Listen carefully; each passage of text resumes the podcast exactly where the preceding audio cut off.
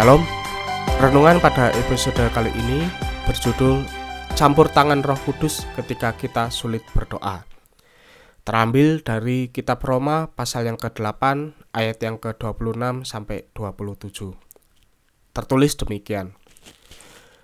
Demikian juga roh membantu kita dalam kelemahan kita sebab kita tidak tahu bagaimana sebenarnya harus berdoa. Tetapi roh sendiri berdoa untuk kita kepada Allah dengan keluhan-keluhan yang tidak terucapkan. Dan Allah yang menyelidiki hati nurani mengetahui maksud roh itu, yaitu bahwa ia sesuai dengan kehendak Allah berdoa untuk orang-orang kudus. Amin. Saudara sekalian, diperkirakan ada lebih dari 4.200 agama di dunia ini.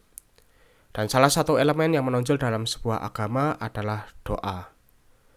Demikian pula, kekristenan memandang doa sebagai sebuah aktivitas rohani yang penting. Bahkan ada kutipan yang berbunyi, doa adalah nafas kehidupan orang percaya. Hal ini didukung juga oleh Alkitab. Misalnya, Rasul Paulus mengingatkan, bertekunlah dalam doa ini tertulis di dalam kitab Kolose pasal yang keempat ayat yang kedua. Jadi, doa merupakan undangan dari Tuhan sendiri dan kita diminta untuk melakukannya dengan setia. Tetapi, banyak orang yang gagal untuk setia dalam berdoa. Mengapa? Saya mengamati ada dua ekstrim. Ekstrim yang pertama, sebagian orang tidak berdoa karena merasa hidupnya baik-baik saja. Ingat, jangan sampai kelancaran hidup kita justru menjauhkan kita dari Allah. Ekstrim yang kedua, sebagian orang lainnya berhenti berdoa karena merasa persoalan hidup mereka terlalu berat. Apalagi telah lama jawaban doa yang dinanti tidak kunjung terjadi. Untuk menanggapi hal tersebut, mari kita renungkan Kitab Roma pasal yang ke-8 ayat yang ke-26 sampai 27 yang sudah kita baca tadi. Bagian yang menjadi kunci dari ayat ini adalah roh membantu kita dalam kelemahan kita. Berlawanan dengan banyak ajaran yang menonjolkan kekuatan manusia, Allah justru mengajarkan bahwa kita itu sebenarnya lemah. Dan inilah yang menjadi titik awal untuk berdoa. Tanpa menyadari diri kita lemah, maka kita tidak akan memiliki dorongan untuk berdoa. Apa kelemahan kita? Sebagai manusia, kita rentan terhadap ketidaksempurnaan yang ada di dunia. Kita tidak bisa menghindari sakit, penuaan, dan kematian. Juga, permasalahan hidup yang berat bisa tiba-tiba terjadi.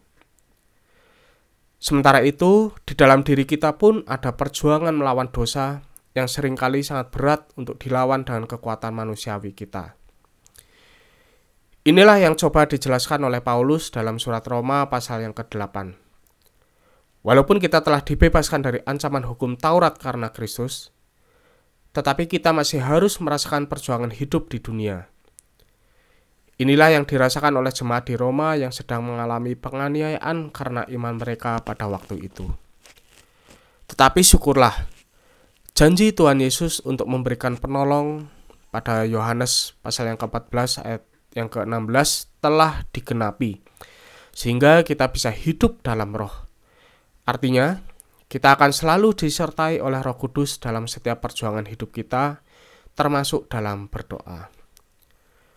Bagaimana Roh Kudus menyertai kita di dalam berdoa? Dalam bahasa aslinya, kata membantu yang ada pada ayat 26 tadi juga memiliki makna turut memikul beban Roh Kudus akan menopang kita ketika kita tidak mampu untuk berkata, "Jadilah kehendakmu" kepada Tuhan di tengah segala kesulitan hidup kita. Roh Kudus akan membantu kita untuk mengutarakan kerinduan hati kita yang terdalam kepada Allah, yang juga mengetahui seluruh isi hati kita. Jadi, lihat, ada kerjasama di antara Allah Tritunggal ketika kita berdoa, sehingga kita yakin bahwa jawaban doa yang kita terima pasti yang terbaik. Inilah kekuatan doa yang hanya dimiliki oleh orang percaya. Ketika berdoa, kita masuk ke dalam wilayah spiritual, melalui pekerjaan Roh Kudus. Kita akan mendapat kekuatan dan cara pandang yang benar, walaupun kesulitan hidup masih ada. Jadi, jangan sampai kita meninggalkan doa, dan jangan sampai kita berdoa dengan kekuatan sendiri. Tanpa melibatkan Roh Kudus, maka doa kita akan berpusat pada diri sendiri. Doa kita menjadi doa yang hambar, dan suatu saat kita pasti akan kehilangan gairah untuk berdoa. Saudara sekalian, setelah memahami kebenaran ini, tidak heran kalau kita melihat bahwa semua tokoh pelayanan pasti juga seorang pendoa, termasuk Tuhan Yesus, Anak Allah sendiri, yang di dalam Alkitab berulang kali dicatat bahwa Tuhan Yesus berdoa kepada Allah Bapa di dalam masa-masa pelayanannya di muka bumi ini.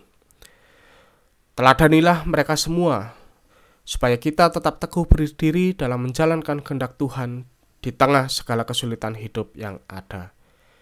Amin. Ada beberapa pertanyaan untuk kita renungkan supaya kita juga dapat lebih memahami kebenaran firman Tuhan ini dan juga dapat menerapkan di dalam kehidupan sehari-hari. Pertanyaan yang pertama, bagaimana kehidupan doa Anda sekarang ini? Apa yang menyebabkan Anda bisa merasa kurang bergairah untuk berdoa? Pertanyaan yang kedua, jika Allah mengetahui isi hati kita, mengapa kita masih perlu berdoa? Pertanyaan yang ketiga, jika Allah telah memiliki jawaban untuk setiap doa kita, mengapa kita masih perlu berdoa? Apa manfaatnya bagi kita? Dan pertanyaan yang terakhir adalah, apakah jawaban doa yang sesuai dan kehendak Allah pasti akan membawa sukacita dalam diri kita? Mengapa? Demikian pertanyaan-pertanyaan yang dapat menuntun kita untuk merenungkan kebenaran firman Tuhan pada episode kali ini.